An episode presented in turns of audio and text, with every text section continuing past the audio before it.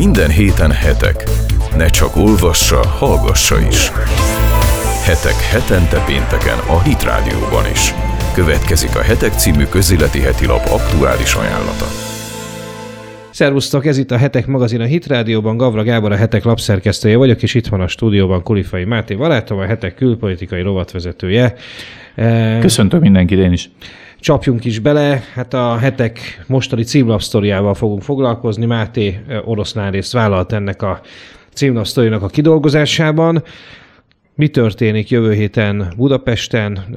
Erdogán török elnök látogatást tesz a tervek szerint fővárosunkban és ami önmagában egy diplomáciai esemény lenne, nem lenne benne semmi különös.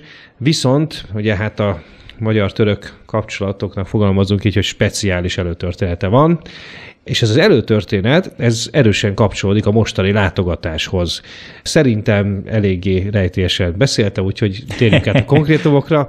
Máté, mi fog történni a tervek szerint jövő héten ezen a bizonyos látogatáson? Ugye Rózsadombon található Gülbabának a, a türbéje. A türbe az egy sírhely, és ez a Gülbaba, ahogy mondtad, azért szorosan kapcsolódik a török hódoltsághoz a mostani látogatás, mert a Gülbaba ebben, ennek a török hódoltságnak, megszállásnak, inkább így fogalmaznék, hódításnak az egyik emblematikus figurája volt magyar Hát olyannyira, szegmamon. így van, olyannyira, hogy ugye a, a, a, a legelején jött, tehát magukkal a török hódítókkal érkezett Magyarországra.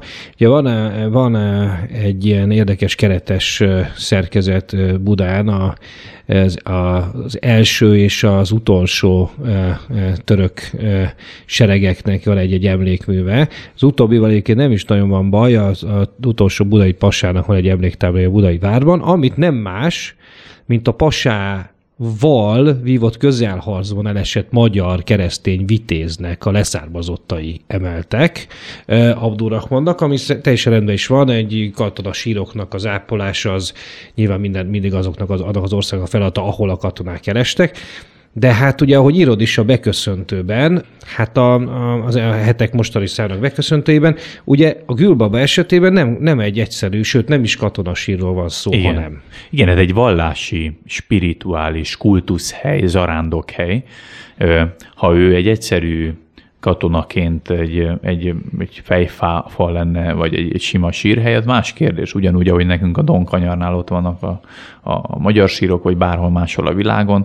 Ugyanúgy ezt, vagy éppen ezt, a fiumei temetőben, vagy, ugye igen, az orosz katonai abszolút, sírok. Abszolút, és ennek, ennek a, a kölcsön, főleg így békeidőben pláne, de amúgy is a, a, a kegyelet miatt egy, egy sima tiszteletadás a, a teljesen megengedett. Viszont a Gülbaba türbéjénél egyrészt a Gülbaba személye az, ami ezt az egészet... Mi, mi, a, mi, a, mi a probléma az ő személyével? A, a Gülbaba ő egy bektási dervis volt. A bektási dervis ről azt kell tudni, hogy a dervis az, az olyan, mint nálunk a keresztényeknél mondjuk a szerzetes, vagy a tradicionális egyházban a, a, a szerzetes rend. Ez egy muszlim szerzetes rend volt, de ráadásul mondom, vannak alevik, vannak mindenféle szerzetes rend a, az iszlámon belül.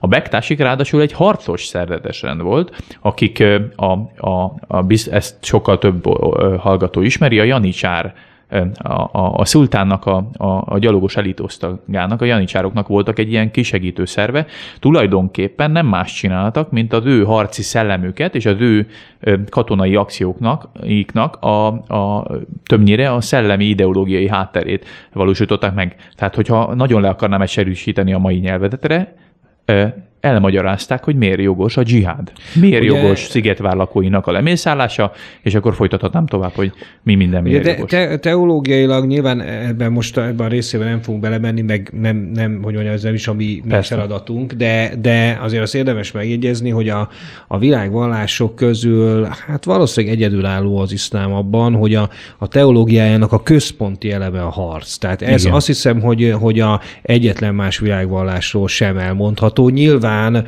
minden civilizáció viselt háborúkat, és, és ehhez, és ebben nagyon sok esetben a, a, az adott civilizációhoz kapcsolódó vallások vezetői ebbe besegítettek, de hogy egy e, a hódítás és a harc, a, ugye a szent háború, a dzsihád az ennyire fontos eleme legyen egy vallásnak, az azt hiszem egyedülálló az iszlámban. Nem véletlenül egyébként, hogy Hollandiában a Gert Wildersnek a pártja, meg, a, meg ez a fajta irányzat, illetve hát Amerikában is Bill Warner, több, több iszlám kutató megfogalmazza az, hogy, hogy az iszlám szerintük nem is vallás. Mert hogy, hogy ők egy totalitárius ideológiának tekintik, mert hogy annyira szorosan összefűződik, vagy fonódik a politikával és a, a, a diktatórikus katonai hadjáratokkal, hogy, hogy tulajdonképpen is nem is tekinthető vallásnak. Így nyilván nem menjünk bele ennyire teológiai kérdésekbe, de tulajdonképpen szerintem itt azért érdekes ezt felvetni, ami hát minden egyes mecsetépítés. Adja, adja, ez, adja ezeket a kérdéseket, Igen. hiszen egy Igen. háborúnak volt, a, a, egy háborúnak a szellemi megalapozásában Igen. volt, volt neki, neki oroszlán része.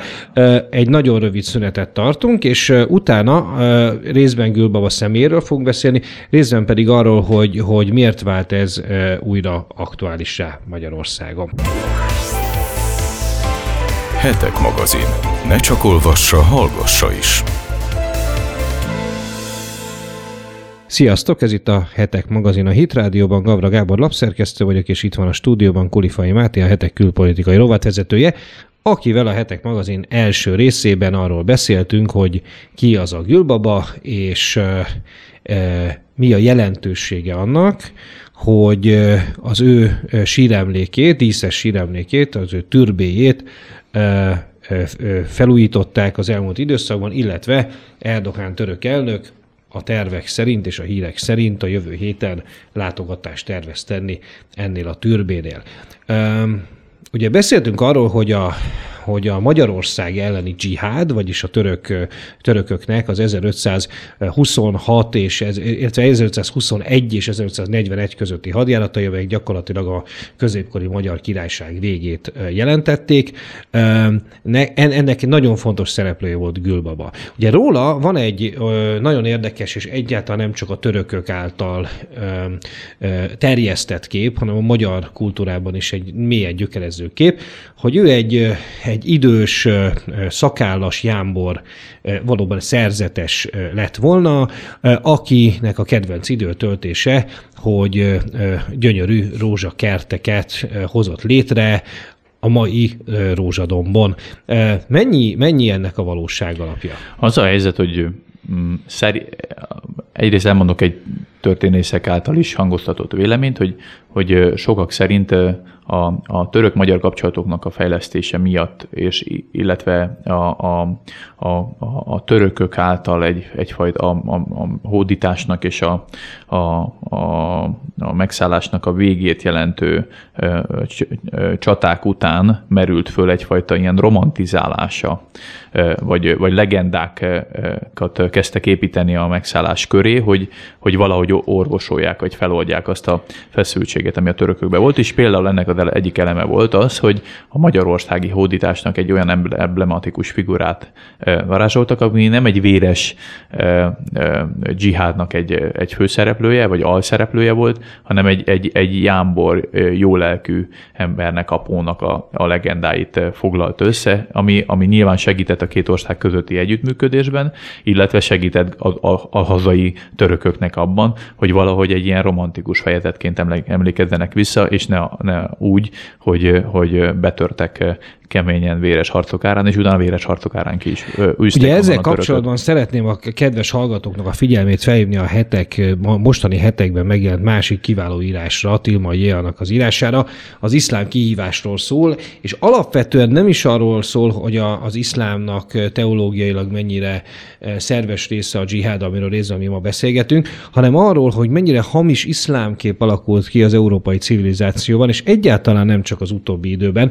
Tehát, hogyha ezt a, az utóbbi évtizedek PC hullámára vezetjük vissza, akkor nagyon tévedünk, hanem már a felvilágosodástól kezdve egyfelől egy ilyen, hogy is mondjam, ugye ez mai kifejezéssel élve egyfelől a harmadik világnak a romantizálása révén, ugye a, a, a, és egy ilyen keresztény ellenes éllel. Másrészt viszont sajnos bizonyos keresztény szerzők révén is, akik egyfajta ilyen egységfrontot óhajtottak volna képezni az iszlámmal a vallás ellenes támadásokkal szemben. Mindenképpen ajánlom mindenkinek a szíves figyelmébe Tilmai annak ezt az írását. Ő egyébként a, a, egy nagyon neves magyar egy világi filozófus, és megtisztelte azzal a heteket, hogy hogy közölhettük ezt az írását. Nagyon-nagyon szemnyitogató, és volt olyan kollégánk, barátunk, aki egyenesen Oriana Fallacsinak az iszlámról szóló írásaihoz hasonlította, Morvai Péter kollégánk, akinek a rovatában megjelent ez az írás. Mindenképpen szeretettel ajánljuk olvasásra és megfontolásra a, a, a kedves hallgatóknak. De visszatérve Gülbabára, ugye valamiért az ő emléke az kiemelten fontos a mai Törökország számára, és miért?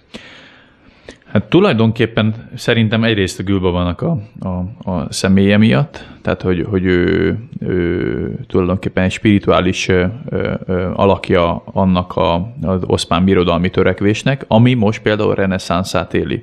És szerintem itt a, a, az, hogy pont Erdogánt hívta meg, vagy pont Erdogán adja át ünnepélyes keretek között ezt a, ezt a türbét, az sajnos ezt a dárukapcsolást megteszi, hiszen pont Erdogán volt az, aki 97-ben elmondta az ismert beszédét azzal kapcsolatban, hogy számára, illetve a, a török birodalom számára a mecsetek laktanyák, a minaretek bajonettek, a, a, a hívek katonák. És Ugye ez az ifjú török nacionalizmus egyik híres költője, a, a Zia Gökalp nevezetű költőnek a verse ez, Igen. és hát ugye ezért annak idején 20 évvel ezelőtt Erdogán egyébként börtönbe került, hogy ezt elmondta ezt Igen. a verset. Viszont azóta is azt látni, hogy ő nagyon harcias szólamokat tesz. Például ugye nem fontos megemlíteni, hogy mielőtt hozzánk érkezik Türbét átadni, előtte eh, pont Kölnben adott át egy, egy gigantikus mecsetet, abban a Kölnben, ahol többnyire közel-keleti származású és muszlim hitű eh, eh, bevándorlók tömegével erőszakoskodtak kölni hölgyekkel, illetve német hölgyekkel az egyik szilveszter során, tehát ez, ez a fajta a, a kapcsolat is nagyon rossz, és nyilván, amit, amit egyébként sokszor felmerül, hogy a török bevándorlók Európában annyira erős identitással rendelkeznek, mind iszlám tekintetében, mint az Erdogán féle kormány és török vezetés iránt, ami egyfajta ötö, ötödik hatásként is szolgál, és ezért iszonyúra veszélyes az olyan típusú építmények és vallási szimbólumoknak a felújítása és átadása például Erdogán által, amik, amik ezt az identitást erősíthetik, illetve jelképezhetik azt a fajta, vagy erősíthetik azt a fajta birodalmi törekvést, amit már jó ideje vizionál a török igen, a, igen, az erdogánizmus az, az voltak éppen két nagyon hogy mondjam, virulens ideológiának az egyesül, egyesítéséből áll. Egyfelől a török birodalomnak, vagy az, ottomán birodalomnak szerves része volt az identitásának az, hogy, hogy 1517-től egészen 1924-ig a, az oszmán dinasztia töltötte be a kalifai, kalifátusi, tehát a, a kalifa címet is, és tehát a, a, a, a szunnita muszlim hitvédelmezőjének a, a, a szerepét betöltötte gyakorlatilag Mohamed mondjam, távol létében ugye a, magát az iszlám vallás vezette a kalifa, másrészt pedig az 1923-ban kikiáltott török köztársaságnak a nacionalizmusa, ami egy egy szekuláris nacionalizmus volt, és pontosan arra szolgált, hogy az, az iszlamizmust helyettesítse a törökök gondolkodásában.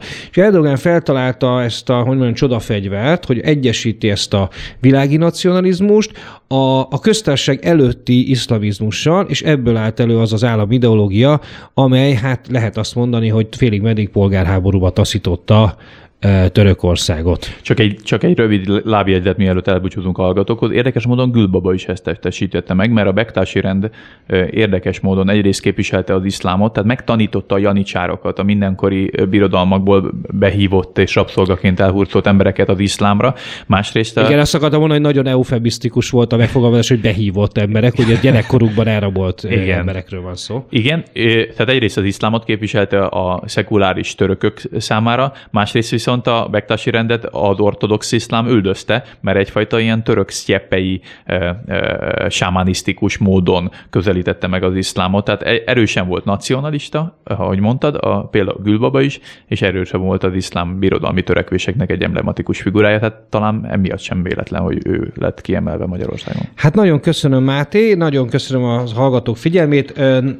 Nem, nincs most időnk sajnos részletes tartalomismertetésre a hetekből, de a Tilman Jéanak az Iszlám kihívás című eszéjét mindenképpen ajánlom a Hitrádió hallgatóinak a figyelmébe, illetve ajánlom Kulcsár Árpád tanáródnak és Kulifai Máté barátomnak a Gülbaba türbéje körüli fejleményekkel kapcsolatos cikkeit.